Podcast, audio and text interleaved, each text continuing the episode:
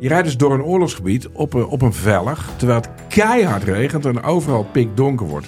Nee, we durven niet te stoppen. En je- eh, ja, eh, Joep is nooit bang. Joep Vermans, de kamerman, die was nu ook echt bang. Via podimo.nl slash gonzo luister je de eerste 30 dagen gratis naar Podimo. podimo.nl slash gonzo. In de podcast Radio Romano met Noortje Veldhuizen Met Marcel van Roosmalen. En met Roelof de Vries. brengen we alle drie elke week een zogenaamde signalering mee. Wat heb jij nou weer bij je? En aan het eind bepalen we wie de winnaar van de week is. Echt een angstcultuur aan het Lege worden. huls die je er bent? Ja, dat gaat eigenlijk altijd onvriendelijk. Luister nu naar Radio Romano bij Podimo. Via podimo.nl slash Radio Romano luister je 30 dagen gratis. dat Kaliningrad, dat ligt daar. Dat is dus een militair uitermate gevaarlijke. Het is een soort vliegkampschip voor het Russische leger en de Russische raketten. Midden in de EU en Ja. de NATO. Ja. Dus het, ik zeg het maar wel onaardig, een beetje afknijpen daarvan. Ook om Poetin onder druk te zetten. Ja, dat is natuurlijk wel een heel mooi dreigmiddel. Dit is Betrouwbare Bronnen met Jaap Jansen.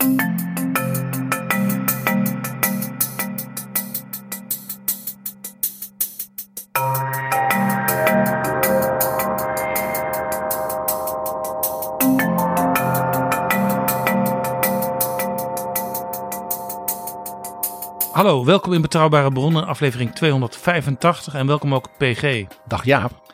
PG, enkele weken geleden kwamen we al tot de conclusie, we moeten het dus hebben over Kaliningrad. Wij moeten het inderdaad hebben over Kaliningrad.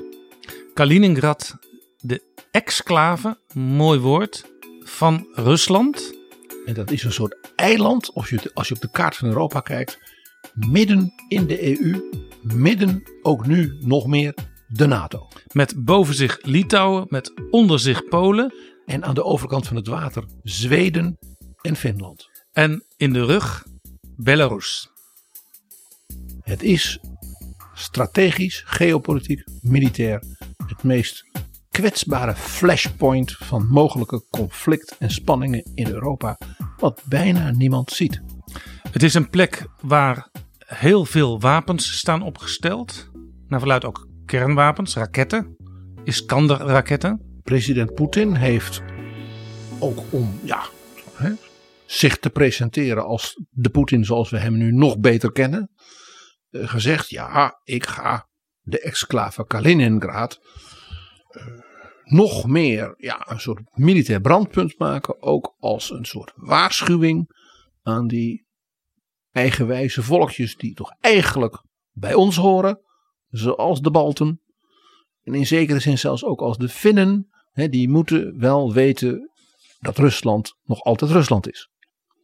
Hè, dus het aanjagen van de militair, strategisch ook dreigingspotentieel van deze exclave is iets van de voorbije jaren. En dat gaan wij nu met de inval in Oekraïne natuurlijk allemaal ja, nog beter begrijpen, om maar even zo te zeggen. Dit is allemaal onderdeel van dus die nieuwe imperiale machtsexpansie, uitstraling van Rusland. Ja, en het kwam in het nieuws zeer recent, omdat de Russen zich over beklaagden dat de treinroute tussen Rusland, eigenlijk tussen Belarus en Kaliningrad, eh, waarop zij natuurlijk allerlei transporten hebben, zowel van militaire middelen als van personen, als natuurlijk ook gewoon van, van voedsel en andere spullen die je in een land nodig hebt, dat die te lijden zou hebben van de Europese sancties tegen Rusland.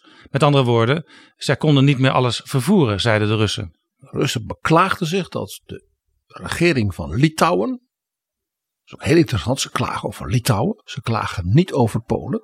Dus ze wilden echt dat kleine landje onder druk zetten.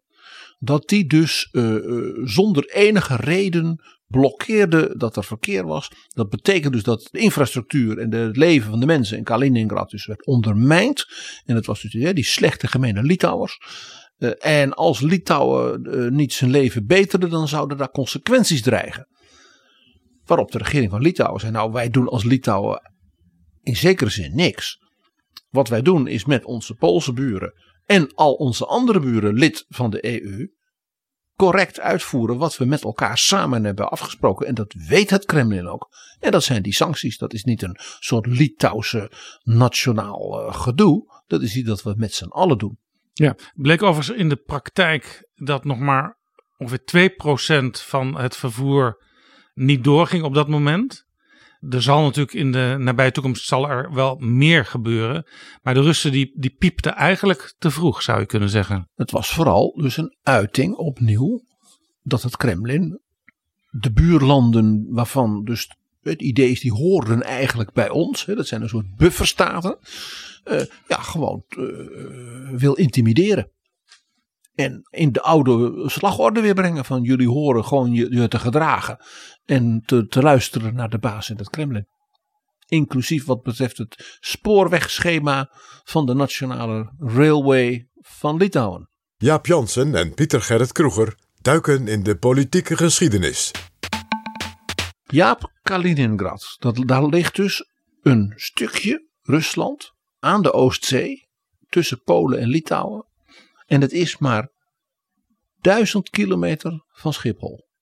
En 1300 kilometer over de weg. Dus ik heb het even uitgezocht. De ANWB zegt, nou, 13 uur rijden. Je bent er zo. Ik herinner me dat mijn vriend Arendo Joustra, eh, nu hoofddirecteur van Elsevier, die is daar eens geweest voor een reportage. En die vertelde, als je daar dus vanuit Amsterdam naartoe wilde, dan moest je met het vliegtuig naar Moskou en dan met de trein verder naar Kaliningrad. Dus eigenlijk eh, nou bijna twee keer zo'n lange route als je uh, zou doen als je het rechtstreeks kon doen. Waarmee dus ook weer duidelijk wordt gemaakt dat dit dus direct Russisch machtssfeergebied is. Kaliningrad is ook een oblast in Rusland. Een oblast is een soort provincie met een speciaal soort status. De Krim is nadat die was bezet ook een oblast gemaakt. Dus dat is een provincie met een soort bijzondere nationale status. Ja, een soort DC. Ja, Washington dus, DC. Ja, dus het wordt ook rechtstreeks is het gebonden als het ware aan de minister voor regionaal beleid in Moskou.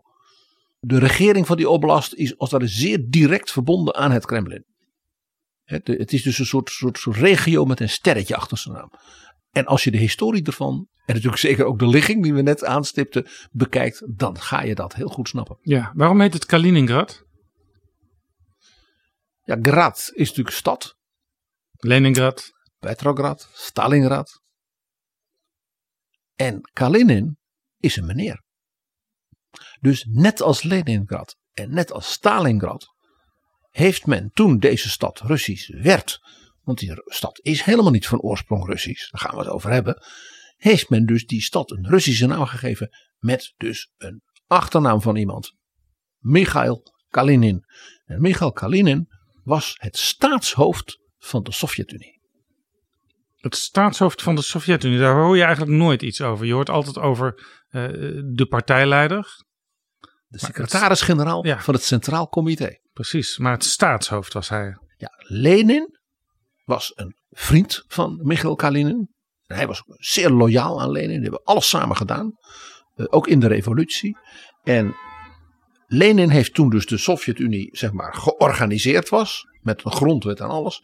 Heeft gezegd de Sovjet-Unie, dus niet Rusland. Hè, maar die unie van al die socialistische republieken. Hè, de USSR.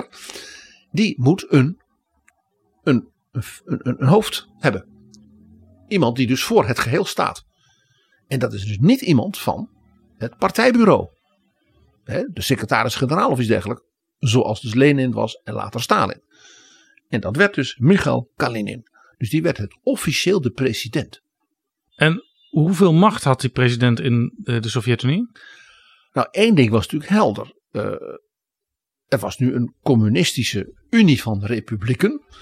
En als je natuurlijk de allerhoogste vrouw of man daarvan natuurlijk in de traditie uh, zou doen, dan zou je zeggen, ja, dan hebben we weer een tsaar. Daar wilden ze juist vanaf. Die hadden ze vermoord met al zijn kinderen.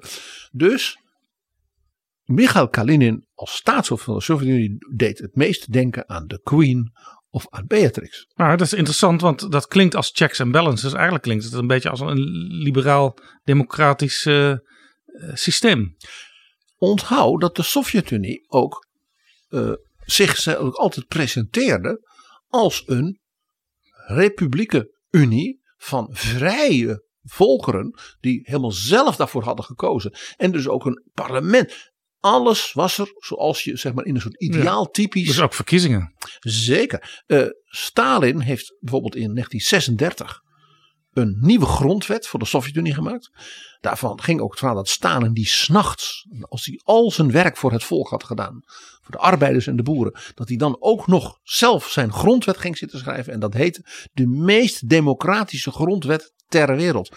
Met een godsdienstvrijheid, meningsvrijheid, persvrijheid, alles. Het was een ideale grondwet.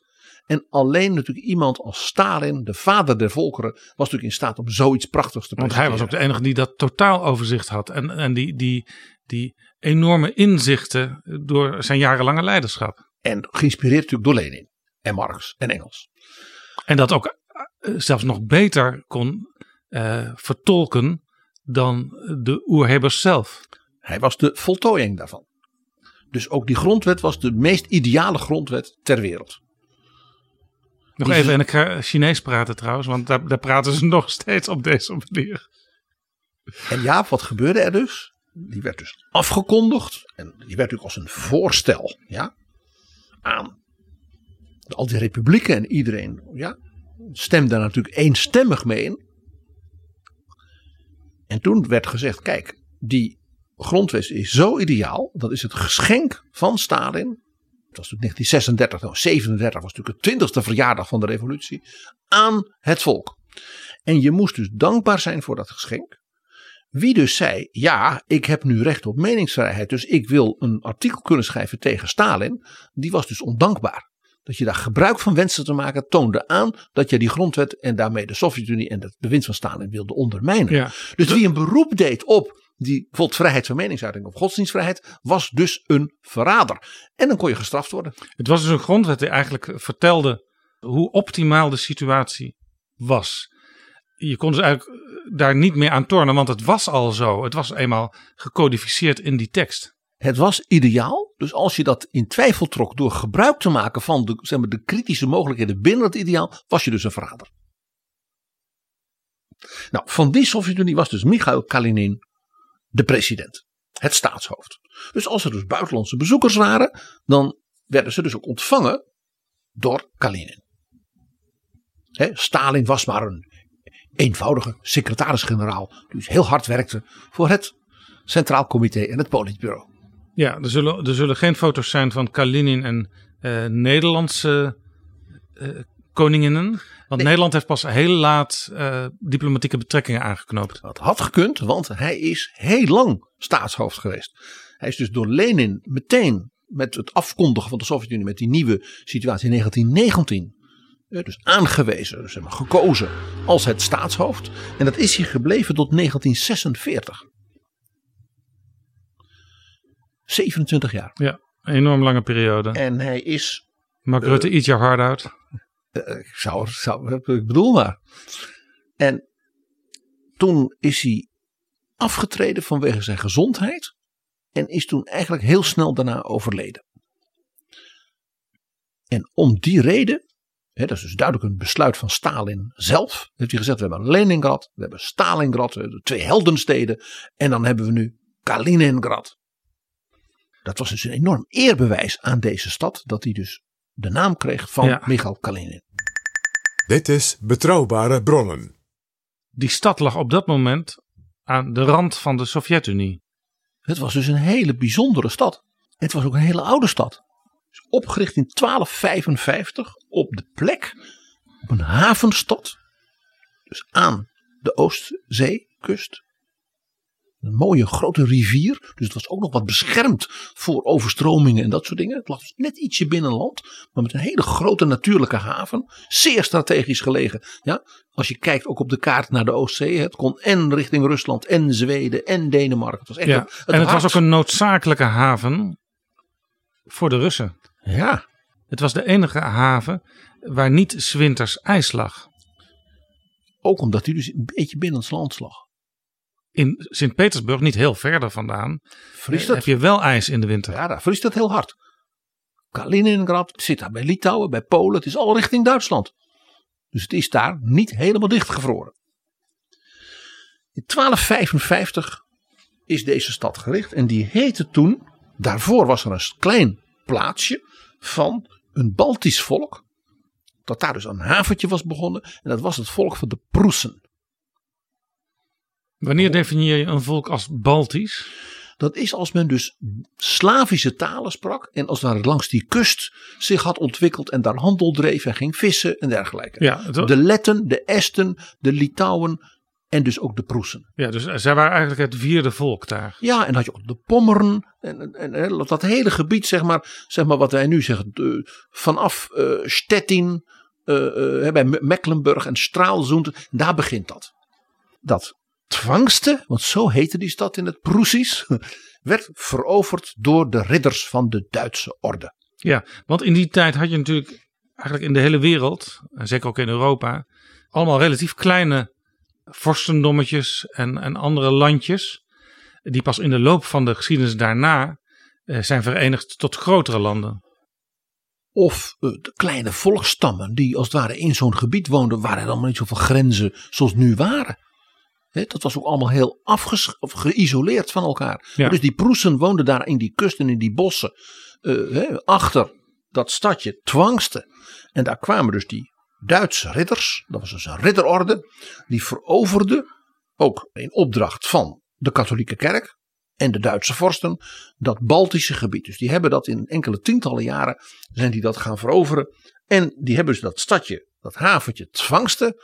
En die zagen dus onmiddellijk, dit is een zeg maar, strategische eh, eh, juweel, die haven. Hier maken wij onze militaire en zeg maar ook marine stad van. En van hieruit kunnen we ook over zee en in overland die hele Baltische kust gaan veroveren. Dus op een gegeven moment, zeg maar, als je je als, als land of als natie ontwikkelt, dan zie je dus ook dat je, eh, even los van je eigen ambities, maar dat je ook potentiële vijanden in je omgeving hebt. En dat je dus ook strategische plekken moet hebben van waaruit je eh, ja, die vijanden tegemoet kunt treden. Je moet dit zien als een soort koloniale verovering, zoals wij die dus later, in later eeuwen vanuit Europa ook in andere continenten zagen. Je moet dus die Slavische volkeren en stammen eh, van Oost-Europa en dus en om te beginnen daar aan die Baltische kust, dus ook zien als een soort koloniale onderwerping door nou ja, beter geoutilleerde, hè, dus in dit geval Duitse ridders, hè, met wapens en alles die moderner waren, en die dus die stammen als ware konden onderwerpen. Ja. Dus Twangste werd ineens de nieuwe hoofdstad en handelscentrum van de, de, de Duitse orde, ook wel de Teutoonse orde genoemd. Hè, daar komt het woord Teutonen van. Ja, dus interessant, want strategisch van belang. Maar juist omdat het zo strategisch ligt, wordt het ook voor de handel van groot belang. Het was een ongelooflijk belangrijke handelsstad, want met die Duitse orde kwam natuurlijk de Hanse Liga van Duitse en Vlaamse en Nederlandse steden. En deze stad, dus dat Twangste, werd als het ware de sleutelstad in de Oostzee voor de Hanse. En Twangste, dat klinkt niet Duits. Nee, de orde gaf deze nieuwe stad die ze bouwden, met muren en alles erop en eraan. Natuurlijk een grote kathedraal, hè? dat was ook nieuw, want de Proesen waren, zoals het heidenen. Die gaven ze natuurlijk een naam. En die moest natuurlijk worden genoemd naar hun belangrijkste heerser in Europa, die hun grote beschermheer was. En Jaap, nu zijn we terug bij een recente aflevering van Betrouwbare Bronnen. Met wie was dat? Dat was koning Ottokar II van Bohemen. Ah, Dus dat was een van de voorvaderen van keizer Karel IV. Ja. in Praag. Ottokar II was dus een groot beschermheer die financierde en steunde dus die Duitse orde. Ook natuurlijk omdat Bohemen wel zag dat daar in Oost-Europa voor hen als het ware ook expansie zat. Hè? Dat, dat Boheemse koninkrijk, dat hebben we in die editie ook gezien, was een expansief, machtig en rijk vorstendom. En wat zeiden die Duitse ridders? Die zeiden wij gaan dus die stad vernoemen naar Ottokar II. En dus noemden ze hem de burcht van onze koning. Königsberg. Königsberg. En dus de Duitse oorspronkelijke naam van Kaliningrad is Königsberg. Ja, zo heeft het ook nog lang op de kaarten gestaan, op de westerse kaarten. Tot 1946. En de dood van Michael Kalinin heette dit Königsberg. Die Duitse orde die bouwde nog een tweede hoofdstad, zou je kunnen zeggen. Dat was een soort militair centrum. Dus niet alleen maar voor de handel, puur militair. En ja, als je dus naar je koning, hè, je politieke, eh, economische en strategische stad noemt, dan noem je ook die andere stad naar de koningin van de hemel. Onze lieve vrouw Maria. dus die stad werd Marienborg genoemd, ook wel Mariborg. En die stad is er nog.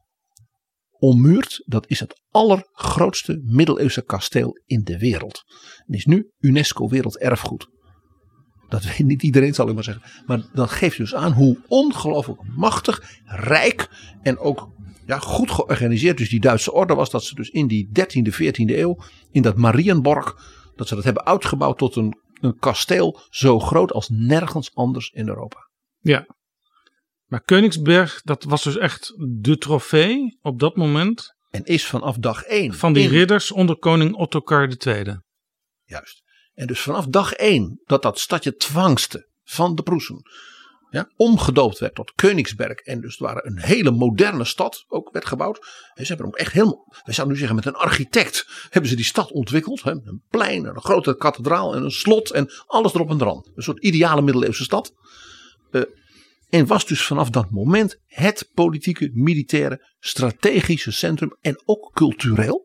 Daar gaan we het ook nog over hebben, Jaap. Van heel Noord- en Oost-Europa. Ineens was daar dus een, dus een hele machtige club, die Duitse orde en die ridders. Met dat, dus de macht en ook dat geld van de koning van Bohemen erachter. De steun van de kerk. Daar stond dus ineens een nieuwe soort superpower. Met als hoofdvestiging Koningsberg. Ja, wij spreken dus over 1255. Het jaar 1255. Ja. Dus die stad is oud. En dat is zo bijzonder. Vanaf dag 1 was het dus meteen een, een machtscentrum van allure in Europa. Dat meteen echt meetelde. Dat is dus heel nieuw. Het is ook eigenlijk een beetje een soort ja, wij zouden zeggen, een soort ontwerp gemaakt hè, van dus die, die ridders. Daar, waren ook heel veel intellectuelen bij, allemaal goed geschoolde mensen, ook uit de kerk. Die hebben dat echt gezegd, daar gaan we dat doen. En dan bouwen we dat, hè, dat enorme kasteel als militair centrum. Uh, dat maken we, hè, dat is dus even verderop. Dat ligt nu in Polen. Dat is net over de grens in Polen. En daarmee was dus als het ware die twee centra, daarmee hadden ze als het ware een machtsgreep op dat hele Baltische gebied. Ja, en dat was economisch van grote betekenis vanwege de export van hout en alles wat met bossen te maken had. En natuurlijk graan. Ja. De Hanze was natuurlijk niet voor niks zo'n belangrijk en intensief handelsnetwerk voor heel de wereld. Ja, we gaan het later over hebben hoe de Russen aan Kaliningrad gekomen zijn. Dat is een verhaal op zich, ja. Maar dit geeft al wel aan uh, dat in ieder geval uh, militair strategisch het voor Poetin ook nog steeds van groot belang is. En dus ook psychologisch.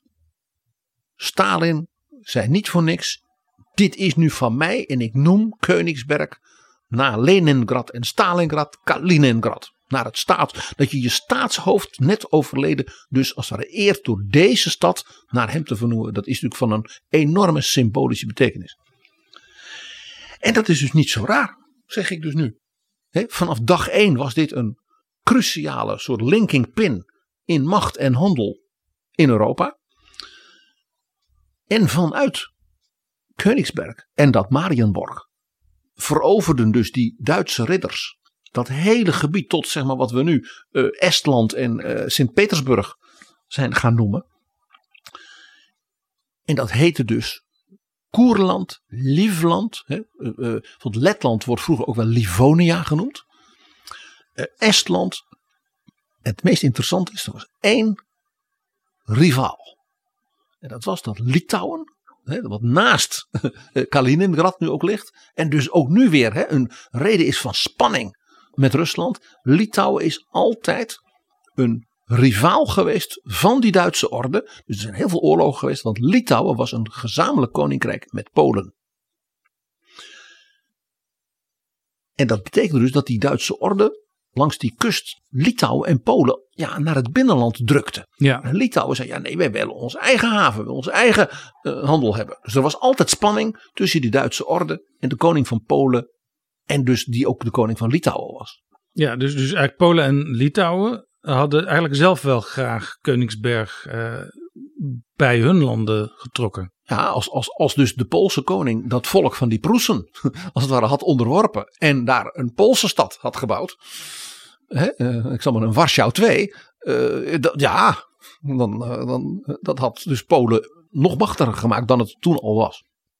Met dus die expansie vanuit Königsberg langs die Baltische kusten werden dus ook de relaties met de Nederlanden vanwege de handel, de scheepvaart, de export hè, en de Hanze natuurlijk steeds intensiever. Ja, dus de- onze voorouders, PG, die kwamen regelmatig in wat nu Kaliningrad is. Steden als Riga, Königsberg, eh, eh, al die havensteden, eh, Tallinn, die hadden een extreem intensieve relatie, handelsrelatie met de Nederlanden. Met, met havens als Deventer en Zwolle en Kampen en het kleine Amsterdam en Franeker. Er was permanent, en dat was niet één bootje, dat was een permanente soort hoge snelheidslijn voor de handel. eh, dus in, nou ja, hout, alles wat je uit bosbouw hebt en graan. En wat, wat leverden wij weer aan de mensen daar? Heel belangrijk, textiel hè, uit Vlaanderen. Eh, en alle producten uit ja, zeg maar West- en Zuid-Europa. En vis. En dat soort dingen. Hè, Het haringkaken. nou, dus dat was. eh, wij- Dat is door onze geschiedschrijving en ook een beetje de romantiek daaromheen. Natuurlijk met de VOC is vergeten vaak Maar dit was allemaal al veel eerder. dat dit eerder was. En ook in de Gouden Eeuw was de relatie, handelsrelatie, scheepvaartrelatie met de Oostzee de belangrijkste voor de Nederlanden. De VOC was spannend en ver weg. En als zo'n schip kwam, dan was natuurlijk de winst ook enorm. Maar dat waren veel kleinere aantallen. Dus veel minder intensief massa handelsverkeer als met de Oostzee. Het werd ook wel de moederlandvaart genoemd. Ja, ja, ja. Dus eigenlijk een, een, een verkeerd beeld wat we door iets te vaak naar die VOC te kijken hebben. Het is prachtig om daarnaar te kijken. Maar de realiteit van de, zeg maar, de grote welvaart van, van de. Republiek was onder andere dat de Republiek de overslaghaven was, zoals Rotterdam er nu ook nog is. Dus al die scheepvaart uit zeg maar, West- en Zuid-Europa en de Middellandse Zee en de Oostzee, waar dus het graan vandaan kwam voor de pasta in Italië.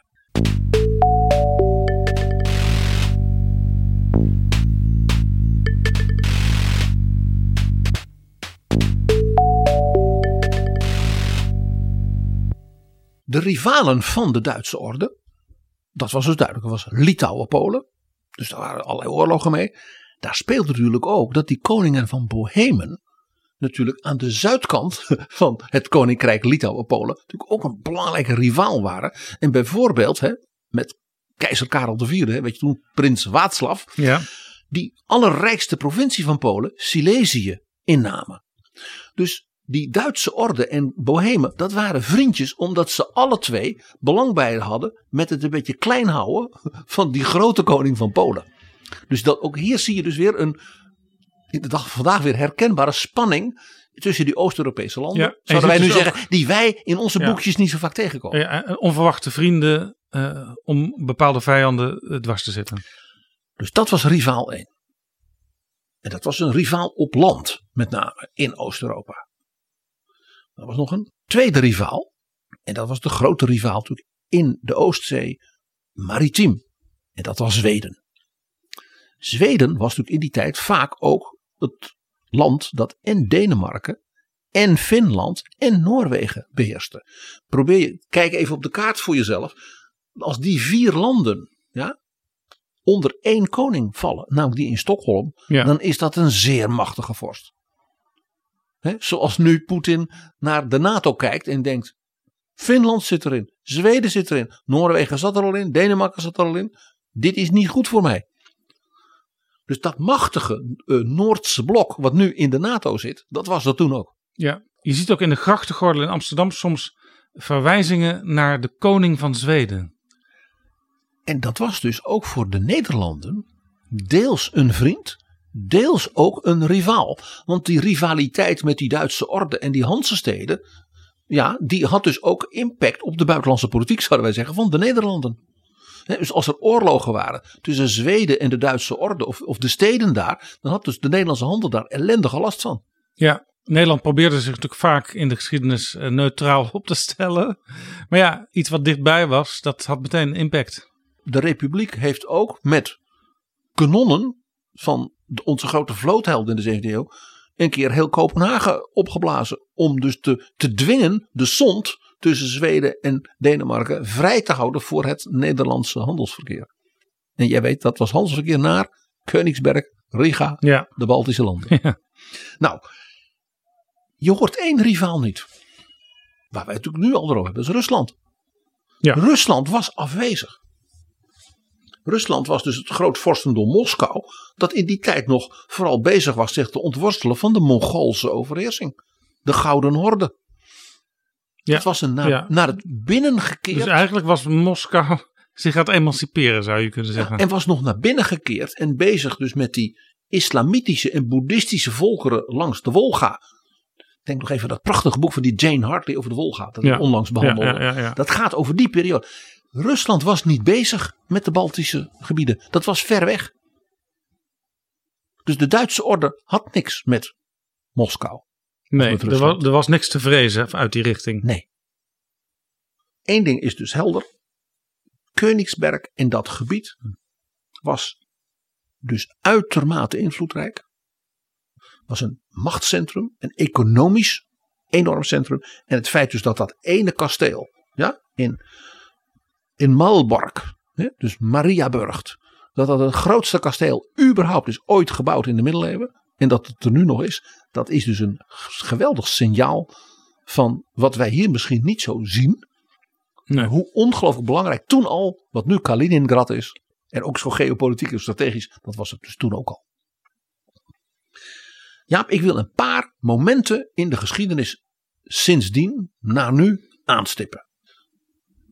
Want ik vrees dat als je mij mijn gang laat gaan, we hier nog wel een tijdje zitten. Ja, we En moeten het, een beetje, we moeten het een beetje behapbaar houden, PG, voor de luisteraar. Dus ik ga nu van 1255 in één sprong naar 1525. Dat is, dat is toch alweer drie eeuwen. 1525. De Duitse orde heeft een grootmeester, want die had ook een chef. Dat was zeg maar de politieke chef. De grootmeester van de orde. En die erkende dus de koning Ottokar van Bohemen, hè, waar de stad Koningsberg naar vernoemd werd. Dus die erkende dan altijd een andere heerser als de zeg maar ja, formeel vorst. Ja, Die wist, ik regeer niet, maar ze erkennen mij wel. Ja. Dus dat was, was eer. En natuurlijk werd er ook geschenken gegeven, al wat betaald. En, maar de Duitse orde be- bedroop haar eigen zaakjes. Albrecht von Brandenburg, dus een prins uit het huis Brandenburg van Berlijn, was die grootmeester. En dat betekende dus dat hij eh, voor de paus, ja, ook die wilde volkeren daar, eh, die Slavische volkeren, natuurlijk tot het katholieke geloof moest brengen en ook eronder moest houden. Dus de mensen waren braaf katholiek geworden. Soms met het zwaard en het vuur en soms met overtuiging, zullen we Ja, maar zeggen. zo doen wij dat hier, zei Albrecht. Maar Albrecht, die zei in 1525, ja, ik praat met de intellectuelen hier hè, in Königsberg. En er is een enorme discussie in Europa over de katholieke kerk. En ja, die is corrupt. Die is, en wij, Duitse ridders, hè, wij regeren dat hele gebied. En wij zijn eh, streng in de leer. En wij zijn eh, goed georganiseerd. Dat was ja, hoogontwikkeld bewind. En Albrecht van Brandenburg zei, ik ben het eigenlijk nogal eens met die kritische monnik, die Luther. Dus er is vergaderd in Königsberg. Hè, door zeg maar, het bestuur van de Duitse orde. En die hebben besloten: wij worden protestant. We zweren de paus af. Dat was wat. Ja, een dramatisch moment. En Albrecht van Brandenburg werd dus van grootmeister. En waarmee hij eigenlijk een soort half religieuze figuur ook was. Hè, want die ridderorde was een vrome ridderorde. Die werd dus ineens een protestante heerser. Ja. En Dus- die riep dus- zichzelf dus, dus- uit tot hertog van het land van de stam van de Prussen. En nu begrijp jij Pruisen. Preußen. Hij werd dus hertog van Preußen. En erkende de koning van Polen als zijn formele heer. Dus het, ma- het machtige Pruisen is in feite op dit moment ontstaan. En nu begrijp jij de verbinding tussen het huis Brandenburg en dat vorstendom Pruisen. Ja. Brandenburg-Pruisen, de latere superpower, ja, is ontstaan doordat dus die grootmeester van de Duitse orde, die prins van Brandenburg, zei: Ik ga met Luther mee in 1525. En daarmee was dus dat gebied van de Duitse orde, hè, dat, wat dus nu het hertogdom Pruisen onder Albrecht heette, de allereerste protestante staat in Europa. En dat was dus eerder dan de Nederlandse Republiek. De Unie van Utrecht is van 1579. En Willem van Oranje ja, stierf in 1584 als heer van die republiek die het protestantisme had aangenomen. 60 jaar daarvoor was Albrecht van Brandenburg de eerste protestante heerser van een protestante staat. Dat is interessant, want eh, Willem van Oranje vocht tegen de Spaanse heerschappij. Maar Albrecht van Brandenburg was dus iemand die zelf met de mensen om zich heen besloot ja, van hoedje te, te wisselen. Die zei: Ik vind de protestante versie van het christendom, die vind ik zuiverder. Die past meer bij mij, mijn waarden en normen, om het maar zo te zeggen, dan wat de paus ervan maakt. Ja. Dat was dus een Terwijl de revolutionaire eerste stap. soort gezant van de paus was. Een revolutionaire stap. Dat zo iemand zegt: Ik ga met mijn mensen praten en wij beslissen dat we dat doen. Er moest dus een soort protestant nieuw soort ja, eh, organisatie komen. Want eh, ze konden dus niet meer zeggen: Nou, we doen dit met de paus en dat met de paus. Dus een van de eerste dingen die hij deed, is wat Willem van Oranje later deed. Dus Willem van Oranje was in dat opzicht niet, in zijn goede zin van het woord, niet origineel. Nee, sterker nog, dat heeft hij misschien wel afgekeken Hmm. van Albrecht van Brandenburg Ja, want wat deden ze? een universiteit oprichten. Zoals Willem van Oranje in 1575 deed in Leiden. Ja. In 1544 werd de Albertina, dus de Albrecht, de Universitas Albertina, de Universiteit van Albrecht opgericht. Een protestante universiteit. En werd dus onmiddellijk, want ja, het was rijk daar en machtig. Dus een centrum voor alle rebelse, jonge eh, intellectuelen. eh, ja, die dus zeiden, die katholieke kerk, wij willen vrijdenker zijn, wij willen protestant zijn. Dat kwam allemaal naar Koningsberg. Dus Koningsberg met die Albertina werd dus een centrum ook van intellectuele ja, dynamiek en rebellie. Daar gebeurde van alles. Daar, daar moest je dus zijn. Dus ook zeg maar cultureel eh, kreeg Koningsberg daardoor een enorme impact op de omgeving.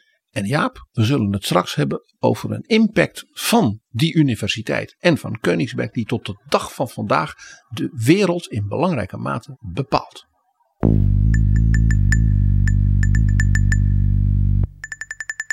...1525. Dus een revolutionair jaar in zowel cultureel, politiek als ook zeg maar Ja. religieopzicht in Europa. We gaan nu naar 1701. Grote stappen. Want- Snel in Kaliningrad. Ja. 1701, Albrecht van Brandenburg is inmiddels natuurlijk opgevolgd hè, in het huis van Brandenburg door verschillende zonen, kleinzonen en dergelijke. En in 1688 komt in Brandenburg een nieuwe keurvorst. Hè, ze waren inmiddels keurvorst en die heette Friedrich. Werd ook wel Friedrich de Eerste genoemd. En Friedrich had één enorme plus. Zijn vader. Zijn vader was Friedrich Wilhelm I en die kennen wij in de Duitse geschiedenis als de grote keurvorst. Der grote koervorst. Grote beelden ook van hem in Berlijn.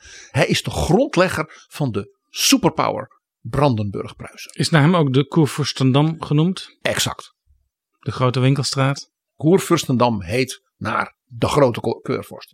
Dat enorme ruiterbeeld van hem ook op het plein voor het kasteel Schloss Charlottenburg Ja, in Berlijn. Ja, ja. Is nog tijdens zijn leven gemaakt. Dus ook een portret van hem. Dus zo, zo was hij dus echt door een van de beroemdste eh, beeldhouwers eh, van die tijd. Maar jij slaat eigenlijk hem over, want je gaat meteen Naar Friedrich. naar zijn zoon Friedrich. Ja. Want die erft dus van die vader een superpower. Die met zijn legers Zweden heeft verslagen. Dus de grote rivaal van de Duitse orde van Pruisen. Ja?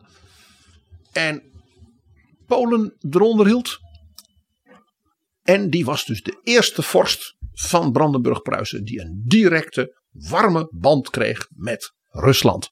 Daar is Rusland voor het eerst.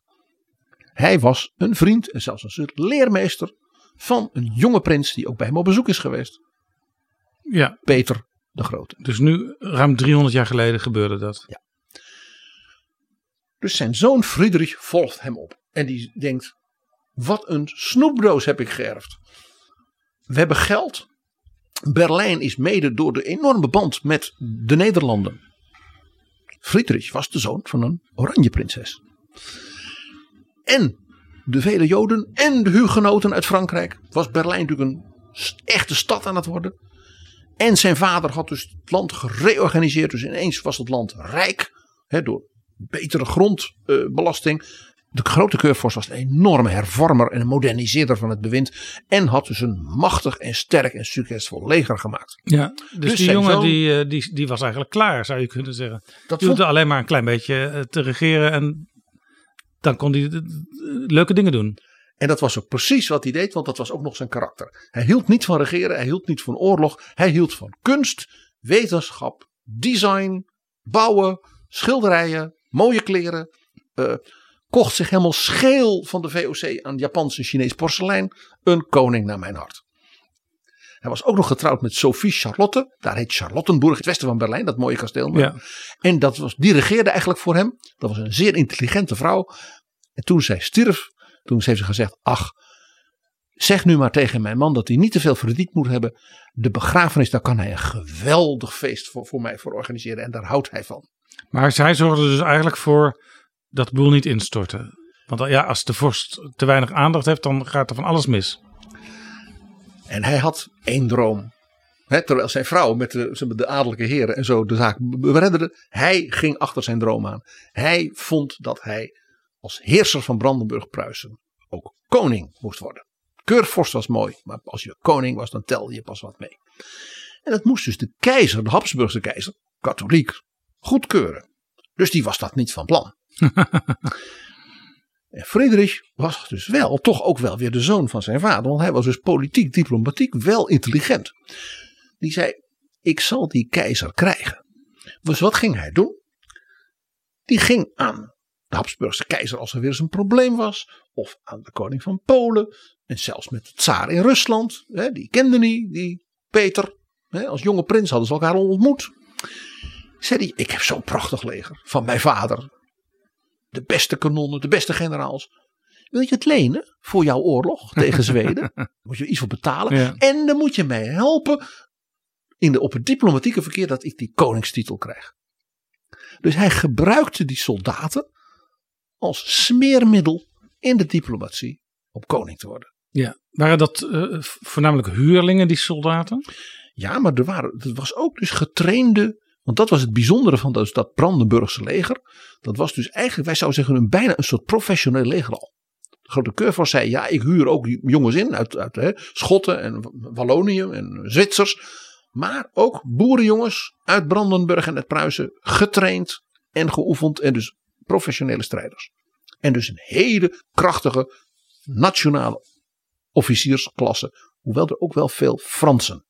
Maar ja, via de hugenoten ook Fransen werden geïmporteerd als eh, zeg maar, topofficier. Maar hij bood eh, zijn leger dus eigenlijk ook aan als wat wij nu zouden noemen een snelle interventiemacht. Ja, dus de keizer, ja, die had dan wel eens eh, tegen de Turken en zo. En dan had hij dus, en dan zei de koning van Pruisen. U bent wel katholiek, maar u, feit, u strijdt tegen de Turken, dus dat is goed. Eh, ik heb wel 7000 eh dragonders voor u en ook nog wel 2000 cavalerie. Ja, dan werd je toch wat milder ten aanzien van de ambitie voor dat koningschap. Ook als keizer. Dus hij heeft het uiteindelijk voor elkaar gekregen. En daarom dat ik zei, het jaar 1701, toen was het zover. Toen werd zo'n diplomatie werd dus beloond. En hij mocht zich koning noemen. En toen heeft dus zijn eh, diplomaten en hij en die van de keizer en de andere vorsten in Europa hebben een trucje toegepast. Die hebben gezegd, kijk, dat Duitse ordegebied van Pruisen, dat was Baltisch en zo, dat viel dus niet onder het keizerrijk. Dus u heeft daar ook eigenlijk, als u zich daar koning van maakt, die titel niet nodig van de keizer. Dat kan u ook zelf. Oh, het komt buiten de keizer om. Alleen dan moet u die titel zo kiezen dat het duidelijk is dat het voor daar geldt en dat de keizer er niks mee te maken heeft. Dus toen heeft Friedrich gezegd, dan noem ik mij niet koning van Pruisen, maar koning in Pruisen. Het klinkt een beetje als een minister van en minister voor. Jaap, deze uh, uh, uh, interpretatie is van jou. Maar ik snap hem wel. Dus hij werd König Friedrich I in Preußen. Of om het nog erger te maken, PG. In het buitenland minister, in het binnenland staatssecretaris, maar dan andersom. Nou, je begrijpt, deze man die hield van feesten, van partijen, van, van kunst, van ja. Die moest dus gekroond worden tot koning in Königsberg. Want dat was de hoofdstad van Pruisen. Dus dat werd de kroonstad. Dus de, de, de statuur van Königsberg ging nog meer omhoog in Europa. Ja, want, want waarom was dat de rol van Königsberg? Want Berlijn, Berlijn was de hoofdstad. Ja, maar Berlijn was niet in Pruisen. Dat viel onder het keizerrijk. Oh, natuurlijk. Hij dat... was keurvorst van Ah, Brandenburg en zo zat koning dat, eh, in Pruisen. Zo ingewikkeld, of misschien zou je kunnen zeggen, zo geslepen zat dat in elkaar. Het zat heel geslepen in elkaar, ja. Dus dit werd een van de meest onwaarschijnlijke ceremonies in de Europese geschiedenis van zijn tijd. Want hij wou daarmee ook laten zien dat nu hij koning was, hij dus ook de collega was van die andere koning die in Versailles Louis En, en, XIV. en daalde de keizer ook af naar Koningsberg voor die kroning? Natuurlijk niet, hij was daar alleen met natuurlijk zijn hele familie. En dat was natuurlijk een protestante ceremonie. Dus de keizer kwam niet. Dus hij heeft dus in Koningsberg een reusachtig feest georganiseerd. Hij heeft een troon voor zichzelf laten maken. Helemaal van zilver. Dat heeft wat gekost. Die feesten hebben ook heel veel gekost. En hij wilde vooral laten zien. Ik ben als koning in Pruisen. Dus gelijkwaardig aan Louis XIV in Versailles. En dat was natuurlijk het ultimum in die tijd in 1701. Die was toen in de 60 al van koningschap. Ja, eh, PG, jij eh, leest mij altijd de les als ik een vraag stel over geloofsaspecten. Maar dit was dus een protestant die zich eh, van alle pracht en praal liet voorzien. Een koning is een koning. Ook een protestante koning, het denk aan die van Engeland, moet dus natuurlijk wel grandeur hebben. Het was natuurlijk wel zo dat de paus hem dus niet ging kronen, zoals bij de keizer. Dus hij kroonde zichzelf. ja, wel zo makkelijk. Waar is die kroon? Königsberg werd dus de hoofdstad van een nieuw koninkrijk, waarvan heel Europa wist, militair en ook uiteindelijk qua goed georganiseerde ja, bureaucratie en bestuur en alles, is dat een land in opmars. En is bevriend met die tsaar, die nieuwe grootmacht die opkomt daar in het oosten. En samen gaan ze dat Polen, nou dat is ook gebeurd, hè, er wel onder krijgen. Dus de keizer in Wenen, die ging met argwaan kijken naar wat daar gebeurde in Brandenburg en in Pruisen. En toen heeft hij nog iets gedaan in 1701. Een beetje ondankbaar zou je kunnen zeggen. Hij heeft tegen de mensen in Koningsberg gezegd, de burgemeester en zo van. U bent de kroonstad, dus ik zal regelen dat de koningen in Pruisen altijd, hè, dus mijn, mijn zoon na mij, naar Koningsberg komen om zich te kronen. Maar Berlijn is voortaan de hoofdstad. Want het koninkrijk Pruisen, Keurvorstendom Brandenburg, wordt één geheel. Daarmee kon hij die koningstitel dus ook planten in Brandenburg. Ja. En de hoofdstad daarvan is Berlijn. Want we willen wel een sterk gecentraliseerd, goed georganiseerd, modern bestuur. Dat heb ik van mijn vader geleerd. En van mijn vrouw, die tenslotte het echte regeerwerk doet. Ja, betekent dit ook dat zeg maar, de, de strategische ligging van Koningsberg eh, minder belangrijk werd eh, voor eh, het regeren en voor het welzijn van zo'n land? Nee, want Koningsberg bleef Koningsberg. Waar het lag, die plek in de Oostzee, handel en eh, laat ik zeggen precies op die grens ook nu met die Baltische landen, met Rusland. Dat werd niet minder. Het werd alleen niet meer de hoofdstad van een onafhankelijk vorstendom Pruisen. Het werd dus geregeerd vanuit Berlijn. Ja, Natuurlijk zat er een gouverneur. En dat was dus meestal natuurlijk een, een, een familielid of een, een heel belangrijk man uit Brandenburg. Maar de modernisering en centralisatie van het bestuur maakte dus dat Koningsberg niet meer een onafhankelijke hoofdstad was. nee. Maar je moest natuurlijk wel, ook al was er vriendschap met de tsaar, eh, wel op blijven letten, ook eh, militair. dat hij geen rare dingen zou doen in je achtertuin. Koningsberg en dat Pruisen moest natuurlijk voortdurend alert zijn op de Zweden. En nu dus minder op Polen, want dat begon in het verval te raken als vorstendom en Litouwen. Maar dat opkomende Rusland. Maar ja, Brandenburg had dus eh, onder de grote keurvorst Zweden dus militair eronder gekregen. En ook de Zweedse gebieden in Pommern en zo hè, aan de kust allemaal ingenomen. Hè, de grote keurvorst was een groot veroveraar. Zijn zoon Friedrich vierde feest en deed een, hè, veroverde helemaal niks. Heeft zelfs stukjes verovering van zijn vader uitbesteed om schulden te betalen. Heeft hij dus kleine provincies en zo in het Rijk. eh, eh, dat werd dan gefinancierd door Nederlandse bankiers. En dan- ja, ja, ja, kijk, zo'n zilveren troon moet je ook wel ergens van betalen. En die kroonfestiviteiten en dat enorme vuurwerk en zo. Hè?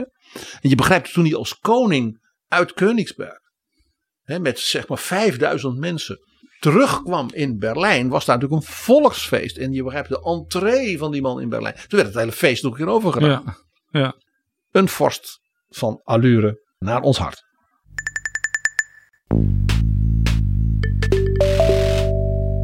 Dit is Betrouwbare Bronnen, een podcast met betrouwbare bronnen. En PG en ik praten verder over Kaliningrad, Koningsberg, waarvan dit trouwens op dit moment het volkslied is.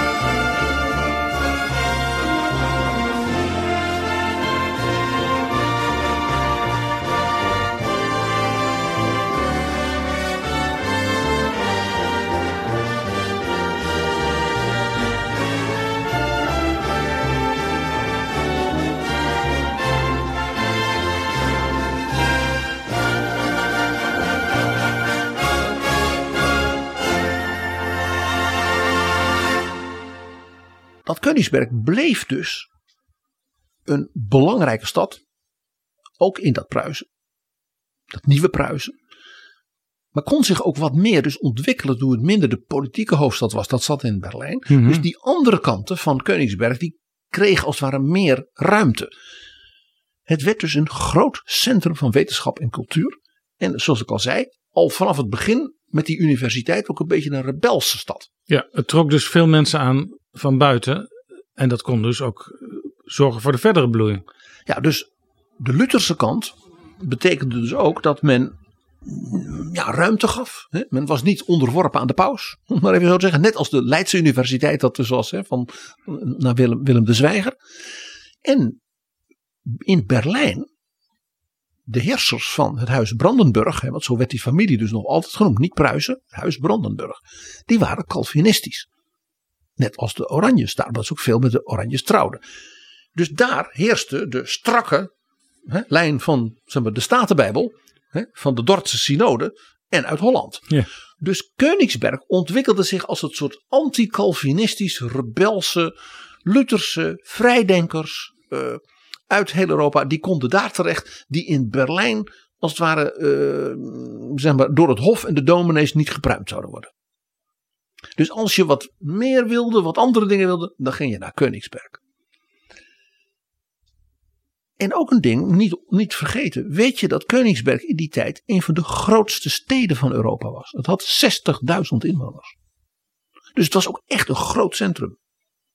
Mede natuurlijk doordat de vorsten vanuit Berlijn altijd zorgden dat er een grote legergarnizoen daar was. En vloot en alles. He, jij wees er net al op. Je moet natuurlijk toch die Russen en die Zweden in de gaten blijven houden. Ja, en het ene trekt het andere aan. Dus eh, het was een mierennest van eh, bezigheden. En dat leidt in de 18e eeuw, want we gaan nu naar de tweede helft van de 18e eeuw, naar een groot moment in de cultuur en zeg maar, geestesgeschiedenis, de geschiedenis van de filosofie. Want in Königsberg woonde en werkte een van de allergrootste denkers zeg maar, van de Europese geschiedenis en zeker van de Duitse geschiedenis. En het mooie is, die man is zijn hele leven alleen maar in Königsberg geweest. Immanuel Kant. Immanuel Kant. April 1724 geboren en is heel oud geworden. En hij is in februari 1804 overleden. En die heeft echt zijn hele leven gewerkt. En waaraan? Aan filosofie. Immanuel Kant is een groot, groot denker. Ja, dus, dus, van de dus, verlichting, maar ook zeg maar, ver voorbij de verlichting. Die man die had in zijn denken, dat is tot in deze tijd nog volkomen actueel. je kunt zeggen, het begrip studeerkamergeleerde wordt vaak negatief gebruikt. Eh, maar bij hem was het misschien wel een eretitel. Hij is de ultieme studeerkamergeleerde. De- Die andere ultieme genie in diezelfde tijd ongeveer. Ietsje jonger dan hij. Alexander van Humboldt. Ja, die reisde de wereld rond. De totale tegendeel als Duitse genie. Die, Die- laafde zich aan alle indrukken die hij overal tegenkwam. Die schreef dat op, die vergeleek. En maar deze man, Immanuel Kant, die haalde alles uit, Uit zijn hoofd. uit die grijze massa. Ja. Hè, Humboldt die denkt. Ah, ik ben nu in Mexico. Daar is een vulkaan van 5.500 meter. Ik klim omhoog en ik val er nog bijna in ook. En dan ga ik alles noteren. Kant zat op die, letterlijk in die studeerkamer. Die man is in zijn leven nauwelijks 10 kilometer buiten Königsberg geweest. En die dacht na over wat is de wereld? Wat is de mens? Ja, Kant heeft ook een soort, soort eh, eh, ethiek, een soort, soort moraal bedacht. Hij bedacht. Zijn belangrijkste punt was dat hij zei: wij moeten als mensen begrijpen wat dat is. Dat mensen verstand hebben. Hij zegt, want dat wij als mensen, dat wij dingen kunnen bedenken. Ook dat wij in God geloven. Dat wij de wereld verkennen. Dat zo'n Humboldt hè, met, ja, in die hele wereld rondreist en dat analyseert. Dat zit in die hoofden van mensen. Wat is dat? Wat is dus denken? Wat is verstand? Dus hij maakte ook heel mooi verschil, eh, onderscheid tussen vernuft en verstand. Dat soort dingen. Dus, dus kennen, Reinen Vernunft. ja, kennen en weten. Zei dat zijn verschillende. Die man was dus ongelooflijk origineel en diep in zijn analyseren. En op het eind van zijn leven, en daarom is hij in onze 21ste eeuw. En ook in het Europa van vandaag, van Poetin en Zelensky, zo ongelooflijk inspirerend en actueel. In 1795, toen was hij dus in de 70, schreef hij een essay Zum ewigen Frieden, ein philosophischer Entwurf. Hij ontworp een model waarop de wereld voor eeuwig in vrede zou leven. Zes kenmerken, gewoon een rijtje van zes. Bijvoorbeeld, geweld mag niet worden toegepast in relaties tussen mensen en staten. Dus als we dat nou afspreken, dat we van alles met elkaar doen, maar we gaan geen geweld toepassen. Hij zegt, want geweld, zei hij, was typisch de filosoof, is een bewuste wil. Dat overkomt je niet, dat wil je. Hij had dus nagedacht, wat is dat de menselijke wil? Ja, ja. Dus, dus aan het eind van zijn leven heeft hij al die ideeën van hem bij elkaar gebracht. En die dacht, in, ik wil een systeem ontwerpen voor nou ja, de mensen na mij. Ik ben in de 70. Dat zij voor eeuwig in vrede met elkaar kunnen leven. Wat prachtig. Maar het, was, het waren dus een soort. eh, Het waren eigenlijk zes geboden voor de wereldorde. Ja, en hij zei bijvoorbeeld, kijk. Het is eh, eh, naïef om te denken zoals die mensen in Frankrijk. Hij was dus ook bezig ja, met Robespierre, Montesquieu. Daar dacht hij over na, over Napoleon. Dat, die man was zo. Die zat daar, die, maar hij las alles. En hij het is naïef om te denken dat als je nou één grote wereldregering hebt, dan komt alles goed. Hij zegt, dat is een verschrikkelijk idee. Dat wordt de meest afschuwelijke despotie ooit. Want hij dacht dan aan Genghis Khan, de Mongolen. Hij dacht ook aan Napoleon. Hij zei, die man heeft misschien wel goede bedoelingen, maar dat wordt een verschrikkelijke despoot. Ja. Maar aan de andere kant. ehm, hij- schreef dus eigenlijk een ideale wereldorde op. Ja. Van je mag niet eh, oorlog met elkaar voeren, daar komt het eigenlijk op neer. Ja, hij had die zes punten van hem. Maar dat gebeurde natuurlijk wel en dat zag hij ook wel. ja, dus, hoe, hij, hoe ging hij met die kennis om? dus hij zei, je moet dat dus gaan organiseren. Hij zei dus, je moet vooral niet streven naar één soort wereldheerser. Die met goede bedoelingen, want hij zei, de mens is niet alleen maar goede bedoelingen. Nou, heeft hij gelijk of niet? Hij zei dus, wat we hebben als mensen, dat zit blijkbaar in ons, zo is dat gegroeid, is dat we allemaal volksjes hebben. Ik zou bijna zeggen, die, die Proesen, ja, met dat stadje, en daar zat hij nu op de universiteit in Königsberg. Hij zei, we hebben Fransen, we hebben dat. Zo zitten mensen blijkbaar in elkaar. Talen, culturen, geloven. Gun de mens dat. Hij zei, maak nou alle groepjes die bij elkaar willen horen een republiek. Hij was dus een republikein. Hij zei, maar ze die, republieken op zichzelf, ook als ze afspreken dat ze niet met elkaar, met elkaar zullen vechten, dat is niet genoeg. Je moet een mechanisme ontwikkelen dat die republieken met elkaar communiceren. Hij zegt, weten en kennen. Hij zegt, mensen communiceren en praten met elkaar, zodat ze dingen weten. En dat we dus kennis opbouwen. Dit is wat de Duitsers altijd noemen wandel door handel. Ja, wandel durch Annäherung. Ja. En hij zei dus wat er dus nodig is, is een systeem waarin die republieken met elkaar afspreken dat ze de mechanismen die wij snappen als mensen, ja, filosofisch, dat ze tot vrede leiden, dat je die bevordert. Dus hij zei, wat er absoluut nodig is, dat is de jus cosmopoliticum. Dus dat het woord cosmopolitisme nu vaak ook met een antisemitische ondertoon als een scheldwoord wordt gebruikt, is daarom zo erg. Ja. Hij zei het jus cosmopoliticum is dus het recht op cosmopolis, een Hij zet dus op dat je elkaar dus ontvangt. Hij zei dus hospitali- hosp- hospitaliteit, ja, gastvrijheid is een, zou je een mensenrecht moeten maken. Hij zei dat is het jus cosmopoliticum. Dus dat je als, als je ergens bent in een andere republiek, dat mensen zeggen: Wat leuk dat je er bent, je bent een gast. En dat doen we iedereen. Hij is de bedenker op zijn manier van het Erasmus-programma. Jonge mensen die overal bij elkaar, kom hier, hier kun je ook leren. Ik Ja. leer van jou en jij van mij. En in feite ook eh, van het asielrecht zou je kunnen zeggen. Ja, daar had hij zelfs over nagedacht. Dat hij zei: Wat gebeurt er nou als iemand zich misdraagt? In zo'n andere republiek en dus die gastvrijheid misbruikt. Dan had hij al al voor bedacht dat je dan op kunt zeggen dat je als iemand nou een jaar erbij is en gedraagt zich, dan moet zo iemand ook mee kunnen blijven doen, dan hoort hij bij jullie. Maar als zo iemand zich misdraagt, dan moet je binnen zoveel jaar kunnen zeggen: nee, dan ga nou maar weg. ja. Heel mooi dat hij zei: uiteindelijk die republieken, ja, die dus gastvrijheid als mensenrecht met elkaar delen. Dus als ik naar jou kom, dan word ik lief en hartelijk behandeld. En als jij, jij naar mij komt, doe ik dat ook. Hij zei, daar worden we ook allemaal beter van als mensen, maar ook dat is goed voor de handel, dat is ook goed voor de economie. Zei, en daar zou je dus eigenlijk om dus die, eh, die, dat, die, die rechtssystemen te behandelen, dan moet je dus eigenlijk een soort federatie maken van die republieken, zonder dus één baas op wereldniveau. Dus maak maar federaties van die republieken die zeggen, nou wij horen wel een beetje bij elkaar. Immanuel Kant is de oerdenker van wat wij de EU noemen, wat we de Verenigde Naties noemen, wat we uh, de WTO van Dr. Ngozi noemen. Het is een wonder hoe die man dus in 1795 in dat hoofd, ja, na 70 jaar denken, als het ware dat bij elkaar bracht in zes punten. En daar heb je dus een recht op gastvrijheid. En dan maak je een federatie van mensen die dus graag bij elkaar te gast zijn. Er is bij mijn weten geen Immanuel Kant zaal in het Europees Parlement of in een van de andere Europese gebouwen.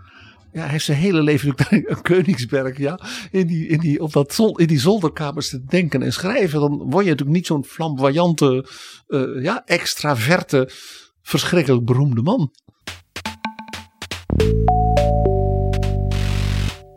PG, dit is allemaal zeer interessant. Maar ja, we zijn binnengekomen bij dit onderwerp uh, via de actualiteit. Ja, die wat minder vreedzaam en idealistisch en mooi is dan natuurlijk dat prachtige denken van Immanuel Kant. Ja, en die fijne samenwerking met Tsaar Peter de Grote. Ja, van, van de Pruisen, hè? ja. Ja, ja. Er komt een moment dat de Russen Kaliningrad maken van Neerzetten. Ja. 1946. Bij de instorting van het Nazirijk rukte natuurlijk het Rode Leger op door heel Oost-Europa hè, tot in Berlijn. Ja, de vlag wordt geplant, de rode vlag. Dus ook in Pruisen. En het Rode Leger heeft daar huis gehouden. Hè, dat mogen we nu gewoon hardop zeggen. Miljoenen inwoners van Pruisen, dus het waren Duitsers, maar ook Poolse eh, arbeiders en zo mensen, die, die zijn dus gevlucht. Toen het Rode Leger Pruisen veroverde, bezette, waren er in Königsberg van de 400.000 mensen nog 100.000 in leven. Overgrote deel was gevlucht. Eh, Stalin, ja, die was de baas hè, van de Sovjet-Unie. Die heeft binnen een jaar van die 100.000 mensen er iets van 97.000 eh, of gedeporteerd of eh, weggestuurd. Met, nou ja, misschien hun kleren nog aan. Die zijn dus vooral in de DDR terechtgekomen. Dus je zou kunnen zeggen dat Königsberg, wat Kaliningrad werd, ontduitst werd. Ja, de bewoners van dus die nieuwe stad Kaliningrad. Er was geen stad, het was één totale ruïne. Het is maar met één ding te vergelijken, maar ook maar met Mariupol. In dat opzicht ook weer de actualiteit, verbinding tussen historie en nu, zijn ook in dit verhaal weer, eh, ja, soms angstaanjagend. Er stond letterlijk niets meer overeind. De middeleeuwse binnenstad, die prachtige binnenstad met, die, hè, met al die gebouwen van de Duitse orde en dan later van de Pruisische koningin. Er stond niets meer overeind. Men is gaan restaureren en dat soort dingen. Maar het is vooral een hele lelijke Sovjet, eh, nou ja, plattenbouw zouden, zouden ze in de DDR-stad geworden. En Stalin heeft dus daar een nieuwe bevolking gewoon naartoe gestuurd. Ja, dat deed jij als je Stalin was. Dus er kwamen honderdduizenden mensen uit Oekraïne, uit Belarus en ook uit Siberië. Ja, die bijvoorbeeld ja, alles kapot was. Ook in die steden natuurlijk door de nazi's. Die werden dus daarheen gestuurd. Ga daar maar wonen. En die stad eh, werd dus nu Sovjet. En ja, de bevolking was wel helemaal nieuw, zal ik maar zeggen. Maar een aantal dingen waren helemaal niet nieuw. Weet jij dat het hoofdkantoor van Poetins FSB, dus daarvoor de KGB van Stalin, dat dat het hoofdkantoor was van de Gestapo onder Hitler? Ja, dat werd gewoon overgenomen. Wat ook speelde was natuurlijk dat de mensen die daar kwamen, ja, in feite ook dus gedeporteerd uit Oekraïne of uit, ja, alles kwijt. Nou, ga daar maar heen. Ja, er was niks. Dus die gingen met name ook de mooie, goede, stevige, middeleeuwse, renaissance, eh, ja, eh, barokhuizen van de Pruisen en de koningen van Pruisen. Die gingen ze dus afbreken om daar dan maar zelf huizen van te bouwen.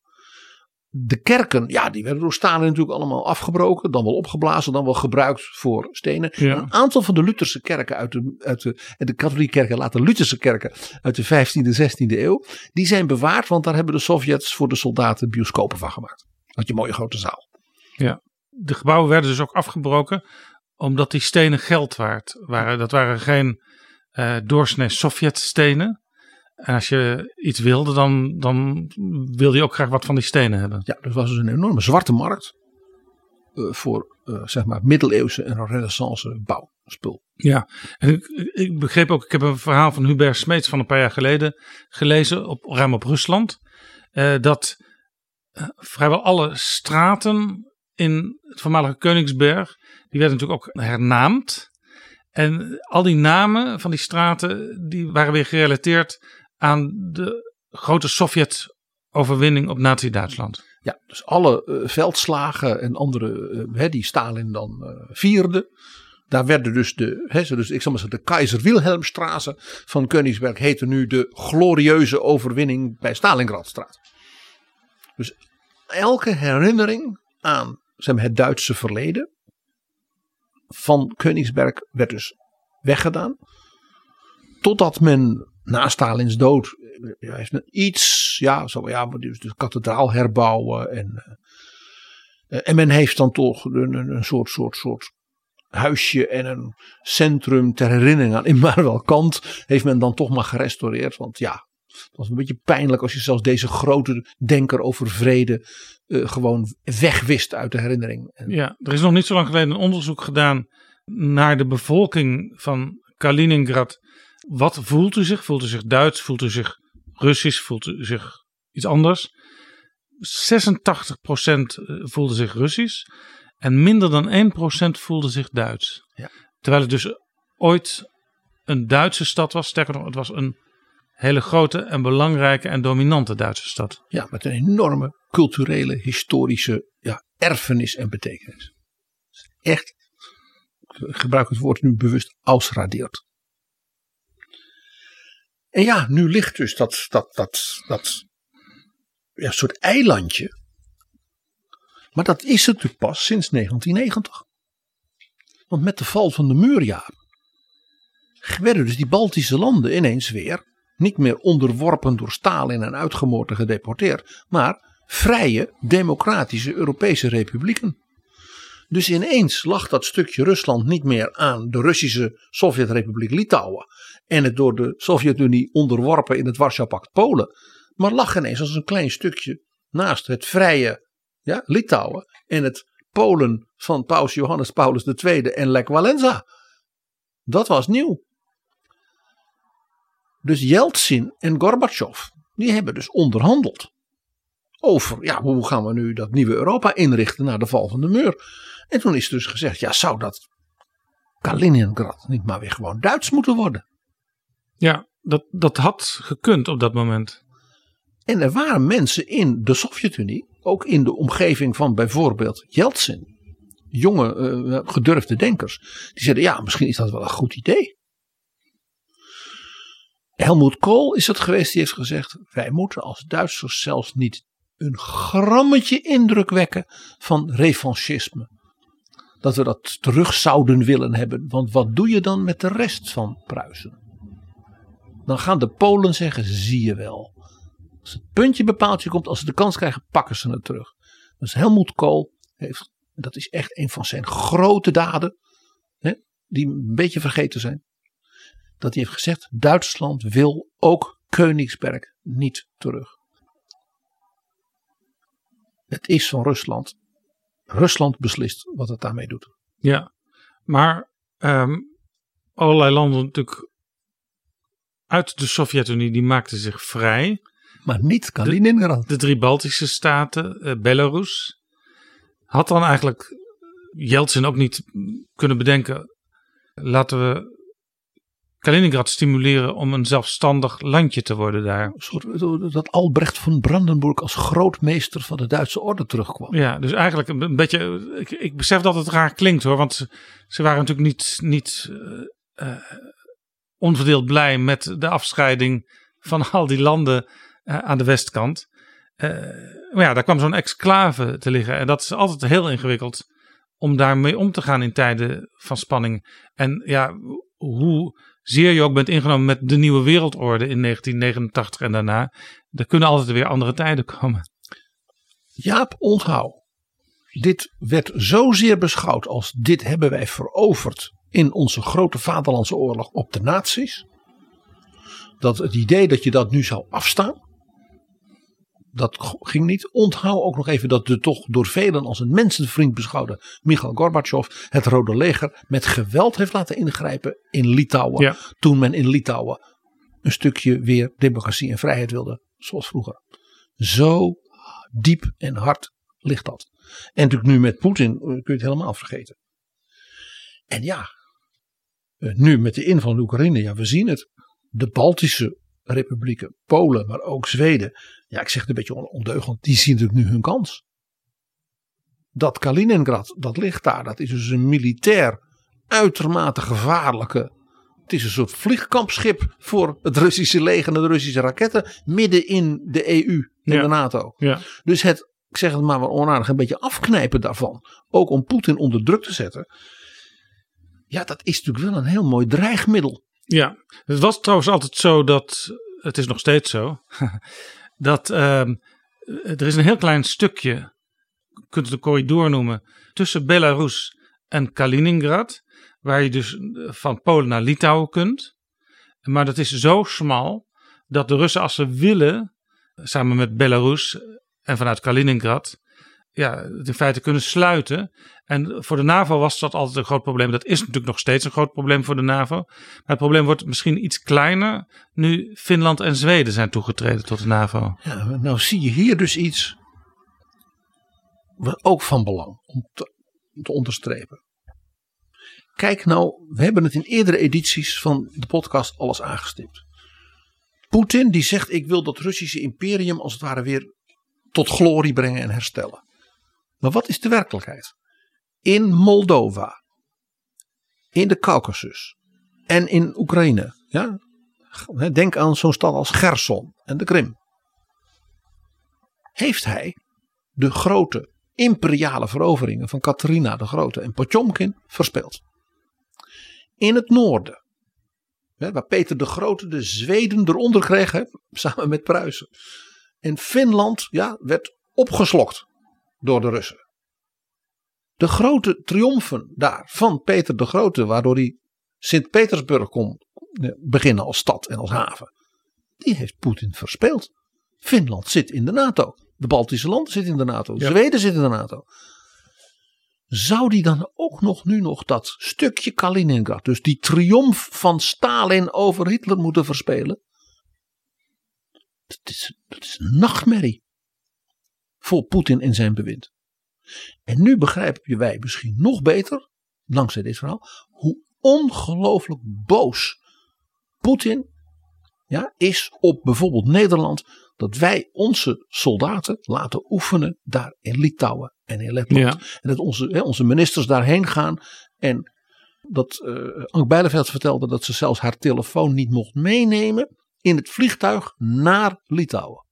Ja, en Kajsa Olonger is er inmiddels ook al geweest. Ja, en dat is dus een obsessie en dat heeft hiermee te maken.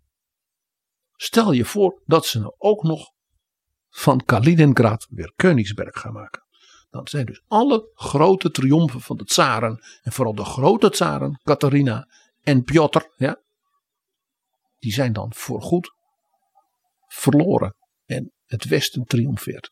Want zo denkt Poetin. Dat hebben we dus inmiddels gemerkt. Dit is Betrouwbare Bronnen. Nou Jaap, heb ik nog één klein dingetje over de stad Königsberg. De stad Königsberg is de stad van een van de meest merkwaardige detective verhalen in de Europese geschiedenis. Want waar is de Bernstein-Zimmer gebleven?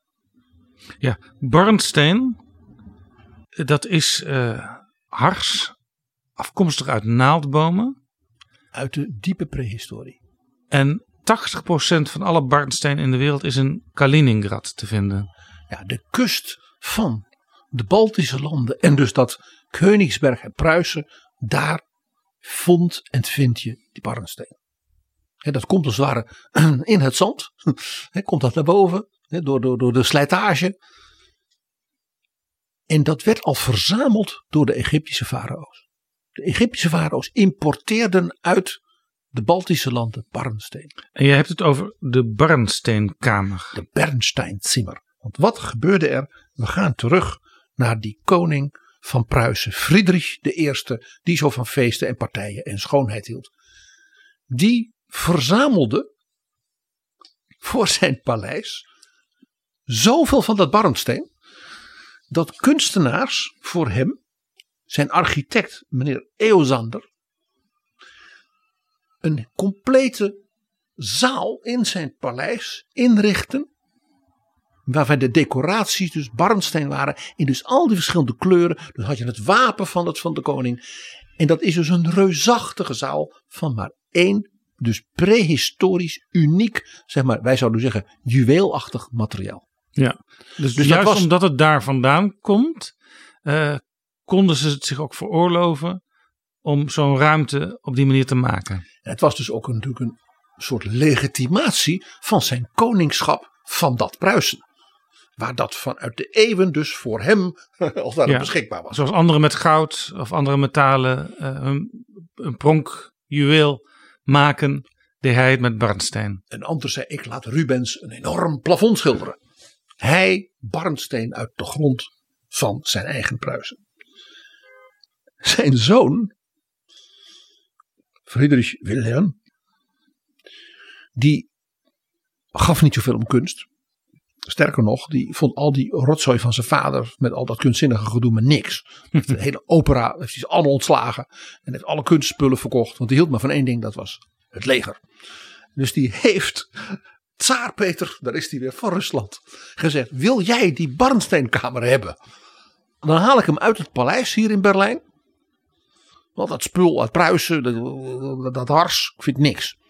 Peter Grote zei: Het is het allermooiste ruimte überhaupt in Europa. Nou, hij, je mag het hebben. Weet je wat ik daarvoor wil hebben? Een heleboel Russische soldaten die net zo lang zijn als jij, Peter. Peter de Grote was 1,95 meter. Ja, ja. Nou, zei Peter de Grote, ik weet nog wel wat boerenjongens in Rusland. Ja, die arme jongens, hè. die werden dan dus als een soort slaaf. In feite zoals nu in Oekraïne hetzelfde met het Russische leger gebeurt. Ook, Jongens uit, uit verre oorden die eigenlijk niet eens weten waar ze zijn. Jaap, jij ziet de analogie in dit slot van dit verhaal. Ook weer, hoe vreselijk.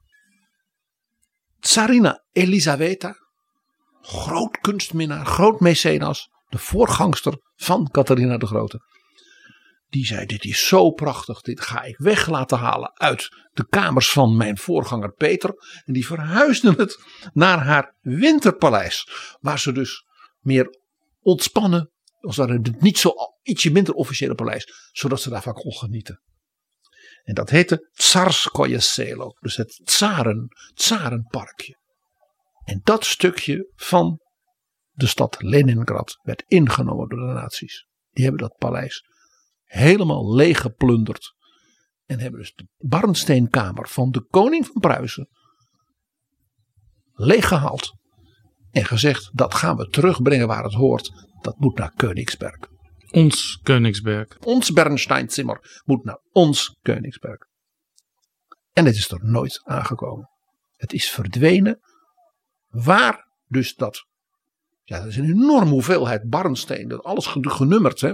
Wat moest waar op welk stukje van die kamer. Kan het niet gewoon in stukjes verkocht zijn inmiddels? Niemand die het weet. Dus een van de grote mysteries zeg maar, van de Europese kunst. Is waar is die Barnsteenkamer? De Stasi van de DDR had zelfs een soort aparte afdeling. Die dus ook stiekem in de Sovjet-Unie. Want die vertrouwden ook niet dat de KGB niet gewoon zei. Ze weten precies waar het is. Maar, dus die zaten elkaar te beloeren. En ook in Polen en zo. Om te kijken is het niet ergens in een mijn opgeslagen. Er zijn een paar stukjes ooit op de markt gekomen. Ja, dan, Dus- kun je, dan kun je traceren waar het vandaan komt. Ja, dat was dus ook niet meer helemaal helder. Het is dus nooit teruggevonden. Er is nu vrij recent een wrak gevonden eh, van een Duits oorlogsschip in de wateren voor Danzig in Polen. Daarvan gaat nu het verhaal. Daar zou wel eens in dat wrak ja, de resten van de Barnsteinzimmer kunnen zijn. Het is dus een ding waar er zijn ook films, documentaires, detectiveboeken over geschreven over het geheim van de Bernsteinzimmer. En onder Gerhard Schröder heeft het Duitse bedrijfsleven gezegd: wij gaan een gebaar maken naar Rusland. Gerhard Schröder wou toen al graag gebaren maken naar Rusland en zijn vriend Vladimir Poetin. Dus men heeft een reconstructie gefinancierd uit Duitsland van de Barnsteenkamer. En die is nu niet in Sint-Petersburg, maar in Poetins Kremlin.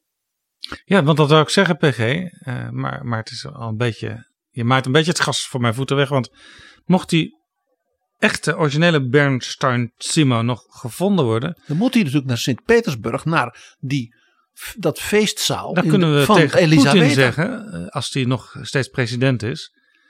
Wij willen hem aan jou schenken als jij dan Kaliningrad aan de Europese Unie schenkt. En dan maken we daar een, daar maken we daar een EU-territorium van. Nee. S- Dit soort 19e eeuwse, zelfs bijna 18e eeuwse deals. Ik geef jou die Barnsteen, jij geeft mij die soldaten. Dat doen we nu niet meer. De, is, ik zie niet een nieuwe 28e deelstaat, het hertogdom Pruisen, hè, rond het hernoemde Koningsberg terugkomen.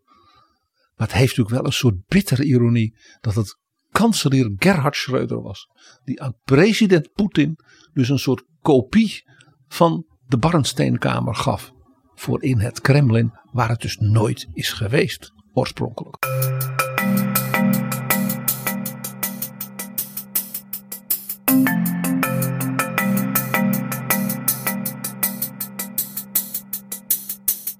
Zo, dit was Betrouwbare Bronnen, aflevering 285. Dit is niet de laatste aflevering van dit seizoen. We nemen al wel afscheid en we gaan met reces. Maar we komen in het reces nog één keertje terug met een extra aflevering. Gewoon omdat wij PG en Jaap zijn en omdat wij aan onze luisteraars denken. En we willen in ieder geval niet dat jullie ons vergeten. Want wij vergeten jullie sowieso niet. En Jaap, ik beloof dat we dan een heleboel gebundelde inspiratie voor onze luisteraars hebben om die zomer door te komen tot het seizoen weer begint. En dat begint traditioneel altijd op een van de laatste dagen van augustus. Ik wens u alle hele fijne weken in deze zomer. Blijf gezond en geniet van de rust. En na deze zomer zijn wij er weer vol energie en inspiratie. En dan zeg ik toch gewoon tot volgende keer. Betrouwbare bronnen wordt gemaakt door Jaap Jansen in samenwerking met dag en nacht.nl.